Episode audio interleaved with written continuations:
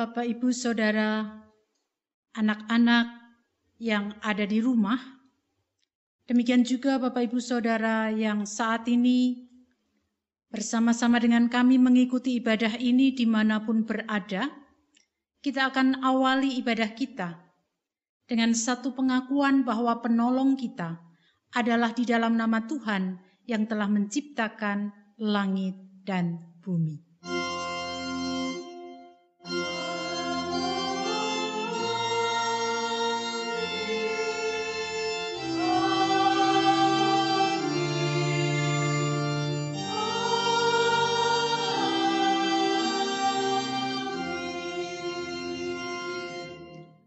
Kasih karunia dan damai sejahtera dari Allah Bapa kita dan dari Tuhan Yesus Kristus menyertai saudara sekalian. Jemaat dipersilahkan duduk kembali. Ibu, bapak, saudara, saudari, dan juga anak-anak yang diberkati dan dicintai Tuhan, kita memiliki gembala setia yang senantiasa menjaga dan memelihara kehidupan kita. Sebagaimana dinyatakan di dalam Mazmur 23 ayat yang pertama, Mazmur Daud, Tuhan adalah gembalaku, takkan kekurangan aku. Mari kita respon dengan menyanyikan Kidung Jemaat 322 bait 2 dan 3.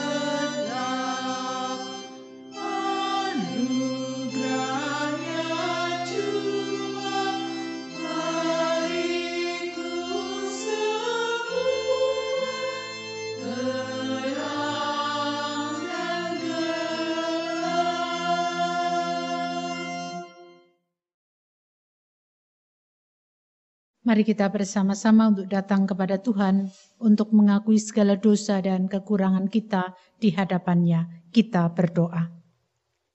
Dengan segala kerendahan hati kami datang kepadamu ya Tuhan, mengakui segala kekurangan dan dosa kami, karena sering kali kami mengikuti cara dan jalan kami. Kami tidak menjadikan Engkau sebagai gembala kami, yang sebenarnya selalu membimbing dan menuntun kami. Ampuni dosa kami Tuhan. Kiranya Engkau melayakkan kami untuk menjadi anak-anakmu yang senantiasa berjalan mengikuti apa yang Tuhan kehendaki. Inilah doa kami. Di dalam nama Tuhan Yesus Kristus kami berdoa. Amin kita nyatakan pengakuan dosa kita di hadapannya melalui Kidung Jemaat 33 bait yang ketiga.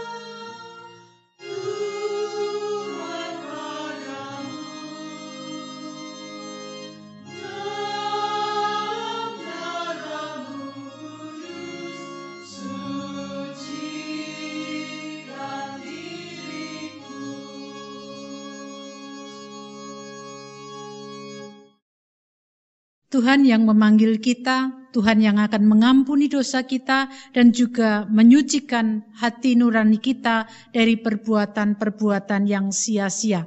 Sebagaimana berita anugerah yang diberikan kepada kita dalam Ibrani pasal 9 ayat yang ke-14. Betapa lebihnya darah Kristus yang oleh roh yang kekal telah mempersembahkan dirinya sendiri kepada Allah sebagai persembahan yang tak bercacat, akan menyucikan hati nurani kita dari perbuatan-perbuatan yang sia-sia, supaya kita dapat beribadah kepada Allah yang hidup. Demikian berita anugerah dari Tuhan. Syukur kepada kita nyanyikan Kidung Jemaat 285 bait 1 dan 3.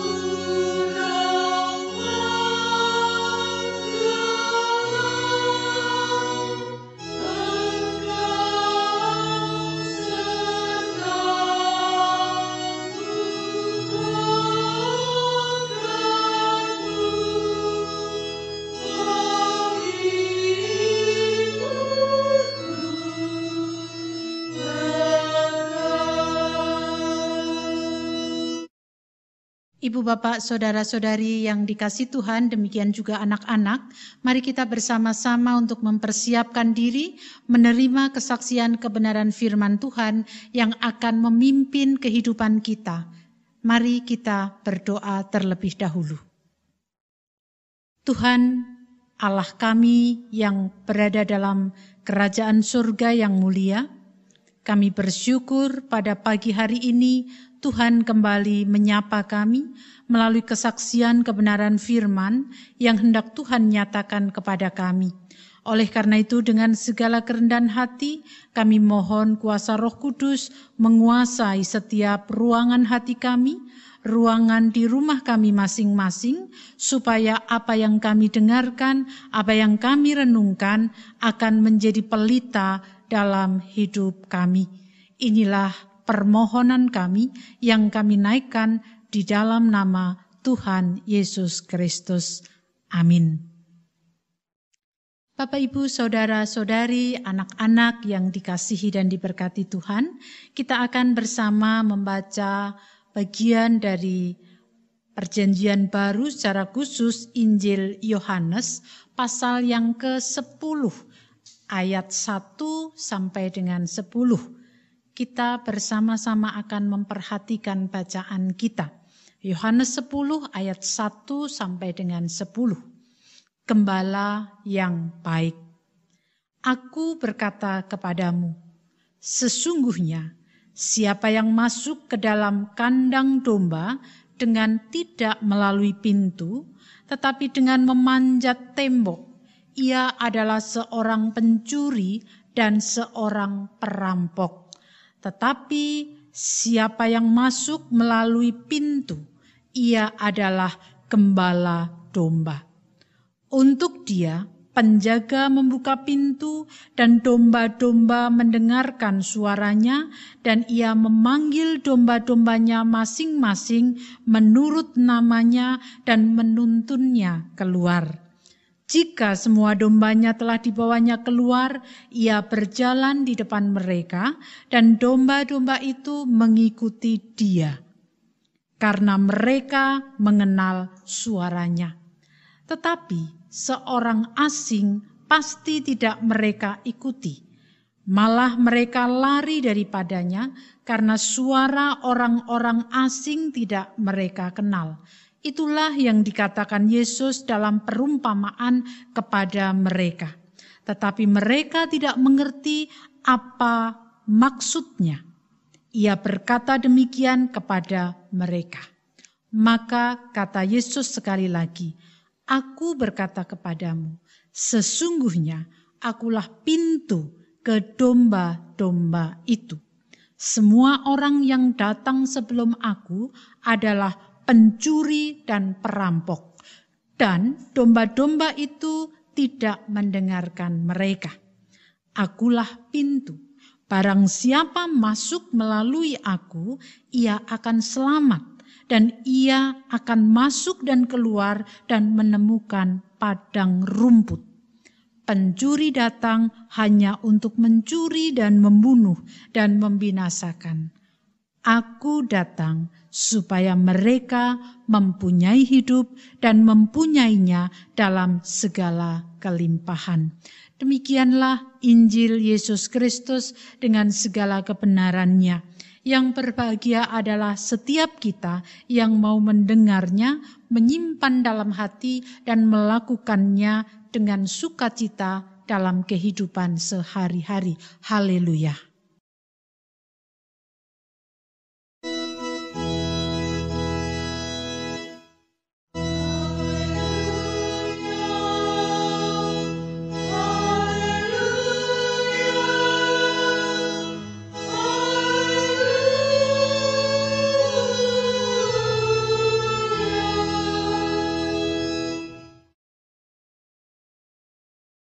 Selamat pagi Bapak Ibu Saudara dan anak-anak. Kita berjumpa kembali meski tidak bisa bertemu secara langsung, tetapi kita boleh bersama-sama untuk bersekutu di dalam Tuhan kita Yesus Kristus. Bapak Ibu Saudara-saudari anak-anak yang dikasihi dan diberkati Tuhan, dunia menawarkan berbagai pintu untuk mendapatkan kebahagiaan, ketenangan, kecukupan. Jika kita tidak berhati-hati terhadap tawaran-tawaran yang diberikan oleh dunia, maka kita bisa terjebak. Sehingga ketika kita mengharapkan ketenangan, ketika kita mengharapkan kecukupan, bahkan kebahagiaan, tetapi oleh karena tawaran-tawaran dunia lalu kemudian kita menerimanya begitu saja, bisa sebaliknya yang kita alami. Bisa sebaliknya yang kita rasakan. Terlebih dalam kondisi sulit saat ini. Banyak tawaran-tawaran yang seakan-akan bisa memberikan jalan keluar bagi kita untuk menghadapi kesulitan demi kesulitan. Baik itu secara ekonomi, baik itu secara sosial dan lain sebagainya. Salah satu hal yang kita kerjakan atau salah satu contoh yang mungkin saja terjadi dalam kehidupan kita ketika kita menghadapi situasi sulit, kita mencoba berusaha, berupaya keluar dari kesulitan itu. Tetapi tidak mengikut sertakan Tuhan dalam upaya kita, dalam usaha kita. Karena kita merasa bahwa, oh saya sanggup untuk melakukan semuanya ini. Saya sanggup untuk melewati masa sulit ini. Ibu, bapak, saudara, saudari, dan anak-anak, tidak salah ketika kita melakukan sebuah upaya dalam masa sulit atau keluar dari masa sulit supaya kita tetap bisa tenang, supaya kita tetap bisa cukup, supaya kita tetap bisa bahagia. Tidak salah. Tetapi ketika kita tidak menjadikan Tuhan menjadi gembala kita dan menjadi pintu keluar dari kesulitan yang terjadi, maka kita harus berhati-hati. Bapak, ibu, saudara-saudari, anak-anak yang dikasih Tuhan, bacaan Yohanes pasal 10 ayat 1 sampai dengan 10 ini merupakan sebuah perumpamaan yang disampaikan oleh Yesus dan hendak mengatakan bahwa Yesus adalah gembala yang baik, gembala yang sejati. Dan sebagai gembala, ia juga menjadi pintu keluar masuk bagi domba-dombanya. Jadi, tanpa pintu tersebut, maka domba tidak akan bisa keluar tidak akan bisa masuk atau dengan kata lain tidak akan bisa melakukan berbuat apa-apa tanpa pintu itu. Bapak, Ibu, saudara-saudari, anak-anak, untuk memahami bacaan ini, tentu kita tidak bisa kalau kita tidak mencoba melihat apa sih sebenarnya pemahaman tentang gembala, tentang domba, pada masa Yesus. Nah, sebelumnya kita perlu melihat bahwa pada masa Yesus ada dua macam kandang domba. Kandang domba yang pertama itu adalah kandang domba yang berada di dalam pemukiman masyarakat. Yang dekat-dekat rumah lah maksudnya seperti itu. Nah, biasanya kandang domba yang dekat dengan pemukiman itu akan memuat banyak sekali domba-domba dari banyak orang. Jadi bukan hanya satu orang saja yang memiliki domba yang masuk ke dalam kandang domba itu. Tetapi beberapa orang yang memiliki domba, dombanya masuk dalam kandang domba tersebut. Dan yang dapat masuk hanya orang yang pegang kunci. Domba itu akan masuk ketika yang pegang kunci membukanya. Dan domba itu akan bisa keluar ketika gembalanya datang dan kemudian mengatakan atau dia memberikan suara. Domba itu langsung mengenalnya. Sekalipun dombanya sangat banyak. Tetapi setiap domba yang dimiliki oleh gembala satu misalnya. Gembala satu membuka pintu. Kemudian dia berbicara, ayo keluar. Domba-domba milik sang gembala satu tadi mengerti, tahu. Sehingga mereka akan keluar. Demikian juga selanjutnya dengan domba-domba yang lain. Itu kandang yang pertama. Kemudian kandang yang kedua. Kandang domba yang kedua itu bukan berada di dalam pemukiman. Tetapi pada musim-musim tertentu, gembala dan domba akan bermalam di bukit-bukit. Jadi memang ada sedikit perbedaan kalau zaman dulu Zaman Yesus waktu itu bukan gembala mencari rumput kemudian diberikan kepada dombanya, tetapi domba-domba diajak keluar untuk mencari makanan, untuk mencari minuman. Dan pada suatu waktu dalam musim tertentu mereka akan berada di dalam perbukitan karena tidak memungkinkan untuk pulang ke kandang domba yang berada di dalam pemukiman. Maka sang gembala yang memiliki domba-domba itu akan membuat kandang sederhana. dengan menyusun batu-batu. Jadi mungkin kalau bisa dibayangkan melingkar begitu. Susun kayak tembok begitu, batu-batu yang ada disusun. Lalu kemudian gembala dia akan menjadi pintu. Dia akan menjadi akses keluar masuk domba-domba yang ada di dalam atau yang ada di luar. Nah, kalau kita mencoba memahami kandang domba, baik dalam pemukiman yang sebenarnya hendak dikatakan oleh Yesus ayat 1 sampai dengan ayat 6 dan ayat 7 sampai dengan ayat 10 adalah kandang domba yang ada di bukit-bukit. Kalau kita memahami hal itu, sebenarnya Yesus hendak mengatakan bahwa gembala adalah satu-satunya jalan keluar masuk untuk mendapatkan padang rumput bagi domba-dombanya.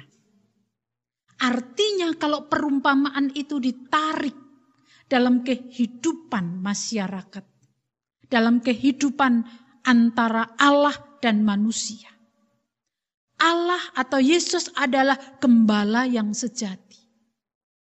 Dia sebagai pintu keluar masuk dari domba-domba tadi.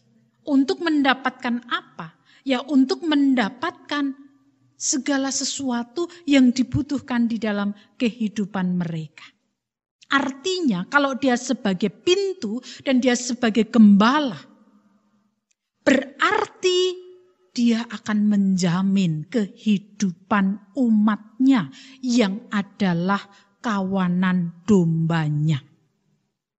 Menjamin apa? Menjamin kehidupan di dunia baik dalam masa suka, baik dalam masa sulit.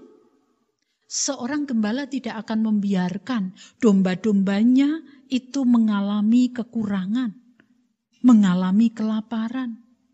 Seorang gembala pasti akan memberikan apa yang menjadi kebutuhan, bukan keinginan, tetapi kebutuhan dari domba-dombanya. Jadi sang gembala akan memberikan jaminan kehidupan di dunia dan juga kehidupan yang kekal. Pertanyaannya adalah, sudahkah kita menjadikan Yesus sebagai gembala yang menjamin hidup kita?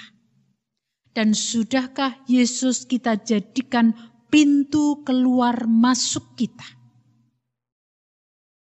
Sehingga ketika kita berada dalam masa yang sangat sulit sekalipun, kita tetap bersama Dia. Kembali kepada apa yang sudah saya sampaikan di depan, kita harus berhati-hati terhadap tawaran-tawaran. Oleh karena itu, melalui bacaan ini kita diingatkan Yesus yang menjamin hidup kita. Sehingga apa pun yang akan kita kerjakan, ketika kita akan keluar untuk melakukan sesuatu, harus melalui Yesus. Ketika kita akan masuk setelah kita melakukan sesuatu, harus melalui Yesus yang adalah pintu tadi.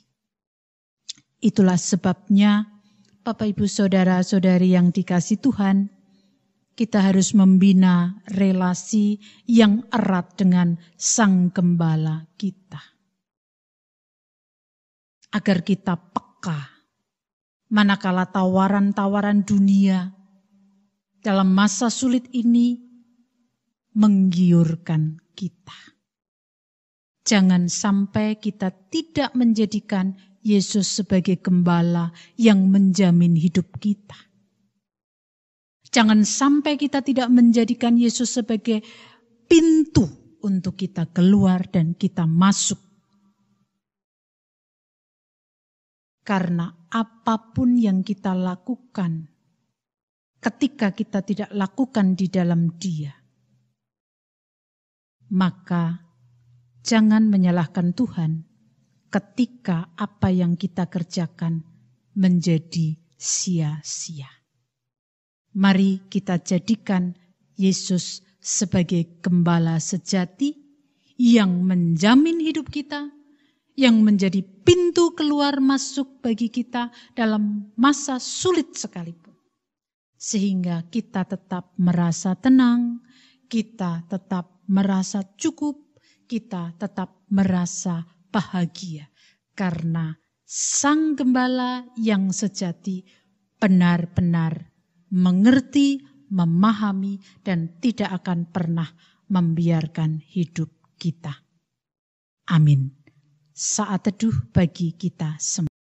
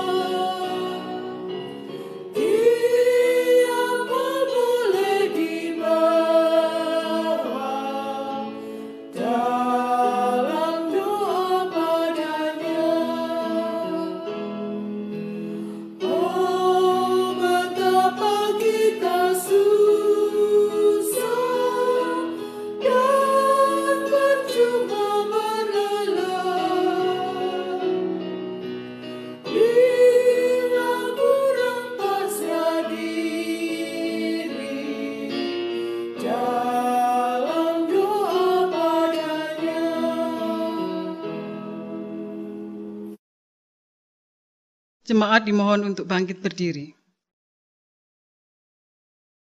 Dengan meletakkan tangan kanan di dada sebelah kiri, marilah kita mengikrarkan pengakuan iman kita bersama dengan umat Allah pada masa lalu, masa kini, dan masa depan, menurut pengakuan iman rasuli.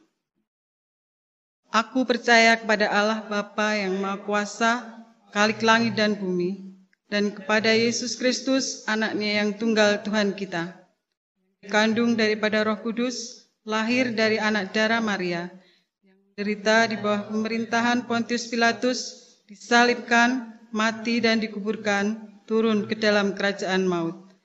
Pada hari yang ketiga, bangkit pula dari antara orang mati, naik ke surga, duduk di sebelah kanan Allah, Bapa yang Maha Kuasa, dan akan datang dari sana untuk menghakimi orang yang hidup dan yang mati percaya kepada Roh Kudus, gereja yang kudus dan am, persekutuan orang kudus, pengampunan dosa, kebangkitan daging, dan hidup yang kekal.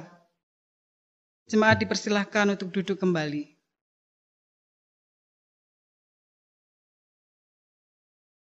Kita akan membawa pergumulan hidup kita kepada Tuhan di dalam doa syafaat kita berdoa.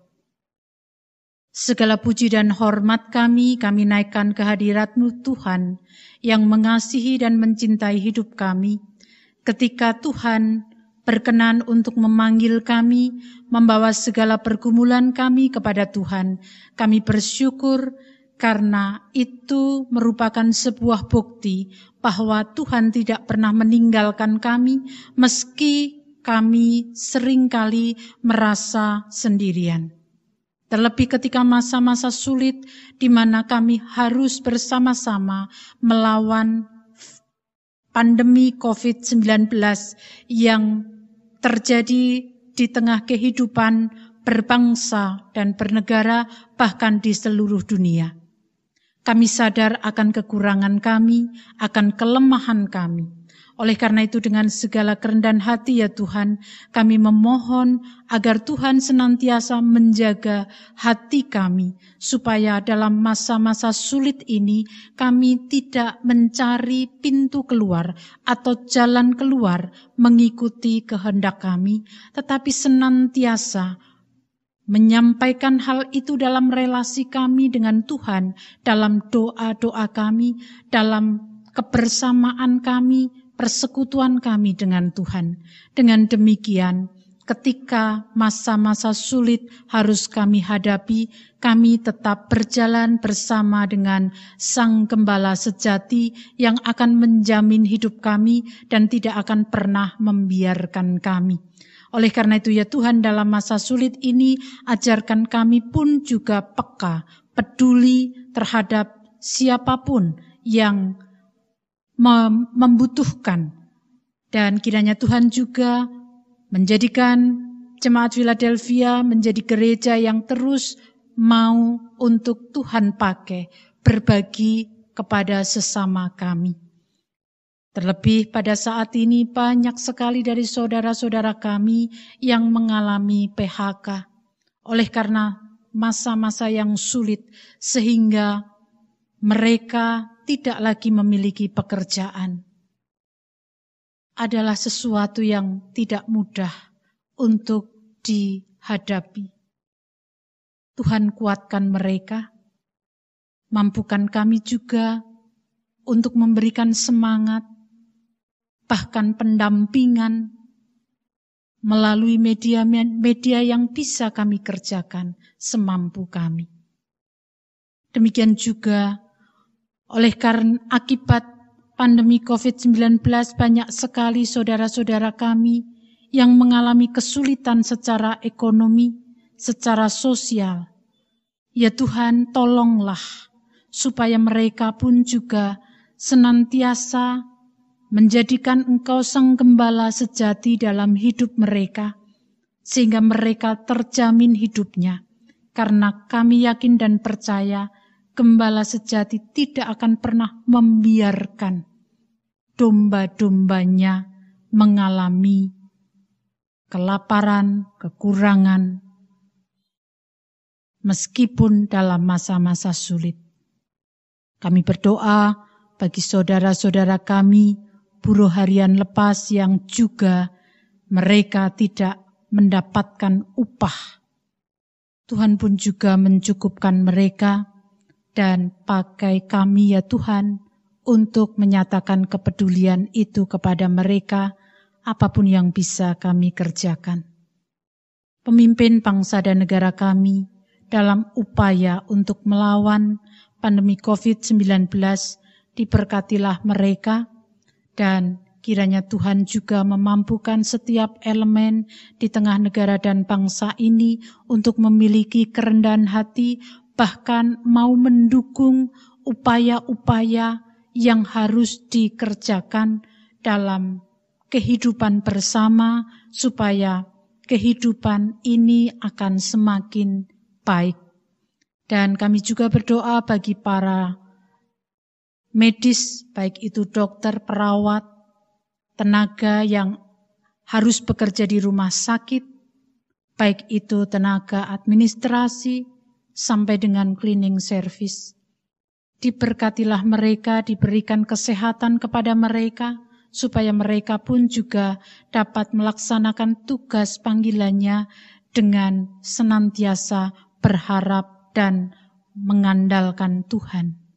Kami berdoa bagi saudara-saudara kami yang mengalami duka oleh karena ditinggal bagian dari keluarganya, baik karena pandemi COVID-19 maupun karena sakit yang lainnya. Tuhan pun menghibur karena mereka tidak bisa seperti biasanya di mana banyak sekali yang mendukung dalam proses pemakaman yang harus mereka lalui. Itu adalah sesuatu yang tidak mudah, tetapi kami percaya Tuhan pun juga akan menguatkan dan menghibur mereka satu persatu. Kami juga berdoa untuk seluruh jemaat Philadelphia kiranya berkat kesehatan senantiasa Tuhan anugerahkan baik itu yang warga jemaat yang sudah adi Yosua sampai dengan anak-anak. Biarlah kesehatan yang dari Tuhan senantiasa mengalir atas jemaatmu. Bagi saudara-saudara kami yang harus tetap rajin atau rutin kontrol karena sakit yang dialaminya, atau juga oleh karena bertahun-tahun harus menghadapi sakit penyakit yang dialaminya. Kiranya Tuhan menjamah mereka satu persatu dalam kondisi di mana mereka mengharapkan kesembuhan dari Tuhan, mereka pun tetap memiliki semangat. Kami menyerahkan Bapak Mariman, Bapak Nugroho Yulianto, Bapak Suratijo, Bapak Widiat Mojo, Ibu Arista Kurniawati, Ibu Ernawati, Ibu Ermawati Kaban, Ermasari Kaban, dan juga saudara-saudara kami lainnya yang saat ini terus berjuang untuk mendapatkan kesehatan yang dari Tuhan. Berkatmu senantiasa kami harapkan. Anak-anak kami yang saat ini masih harus di rumah, dan juga saudara-saudara kami yang mungkin di antaranya masih harus bekerja di tempat pekerjaannya ataupun dari rumah masing-masing. Diberkatilah kami semuanya dan kami tetap menjaga kesehatan, mengikuti protokoler yang dianjurkan oleh pemerintah dan bersama-sama dengan Tuhan kami menghadapi pandemi COVID-19 ini dengan yakin dan percaya bahwa semuanya akan berlalu. Inilah harapan kami kepadamu ya Tuhan Seluruh doa kami ini, kesempurnaannya kami serahkan hanya di dalam nama Tuhan Yesus Kristus yang telah mengajarkan kepada kami doa Bapa kami.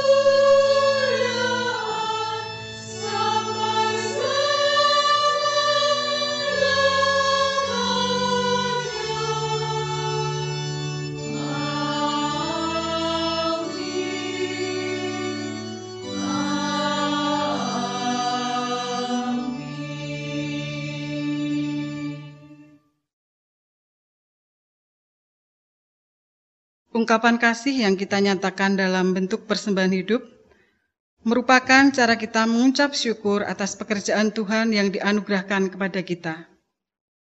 Dasar persembahan diambil dari 1 Petrus 2 ayatnya yang kelima. Dan biarlah kamu juga dipergunakan sebagai batu hidup untuk pembangunan suatu rumah rohani, bagi suatu imamat kudus, untuk mempersembahkan persembahan rohani yang karena Yesus Kristus berkenan kepada Allah. Kita menyanyikan Kidung Jemaat 399, Bersukacitalah.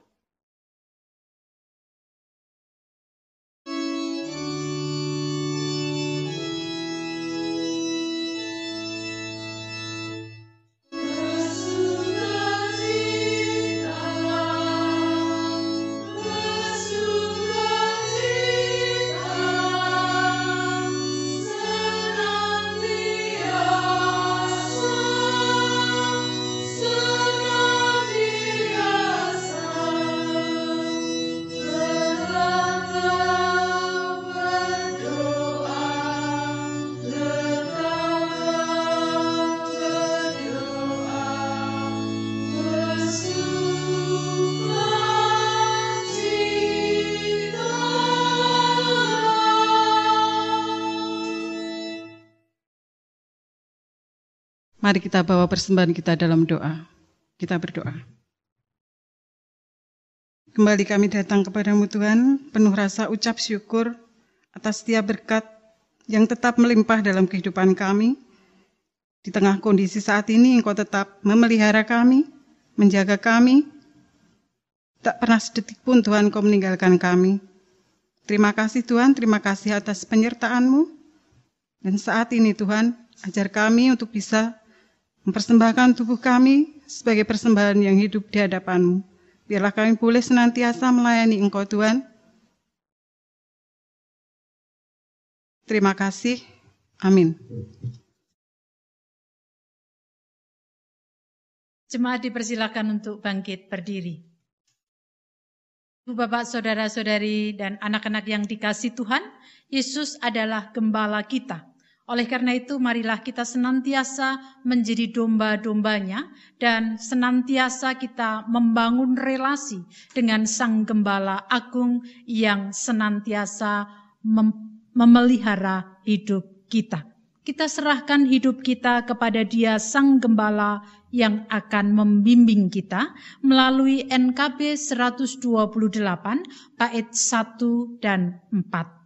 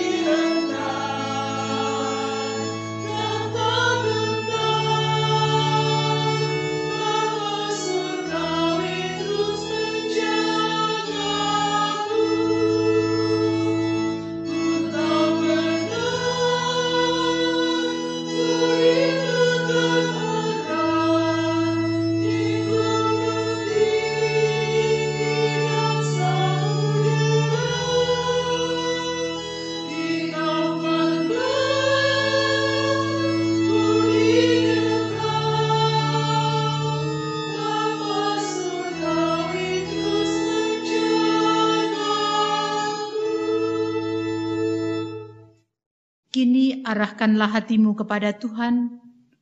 Kita akhiri ibadah kita dengan sukacita. Lanjutkan hidupmu dan teruslah berkarya bagi Tuhan. Terimalah berkatnya.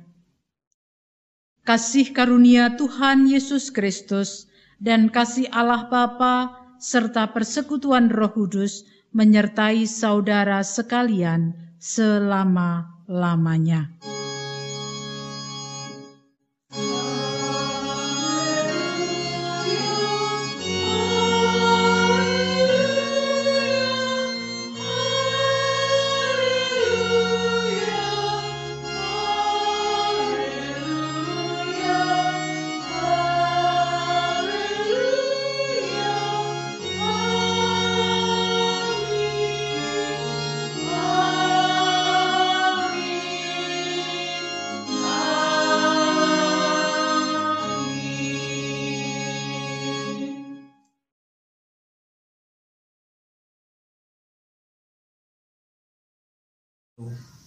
Selamat hari Minggu, Bapak-bapak, ibu-ibu, anak-anak, dan cucu-cucuku semua. Tuhan memberkati.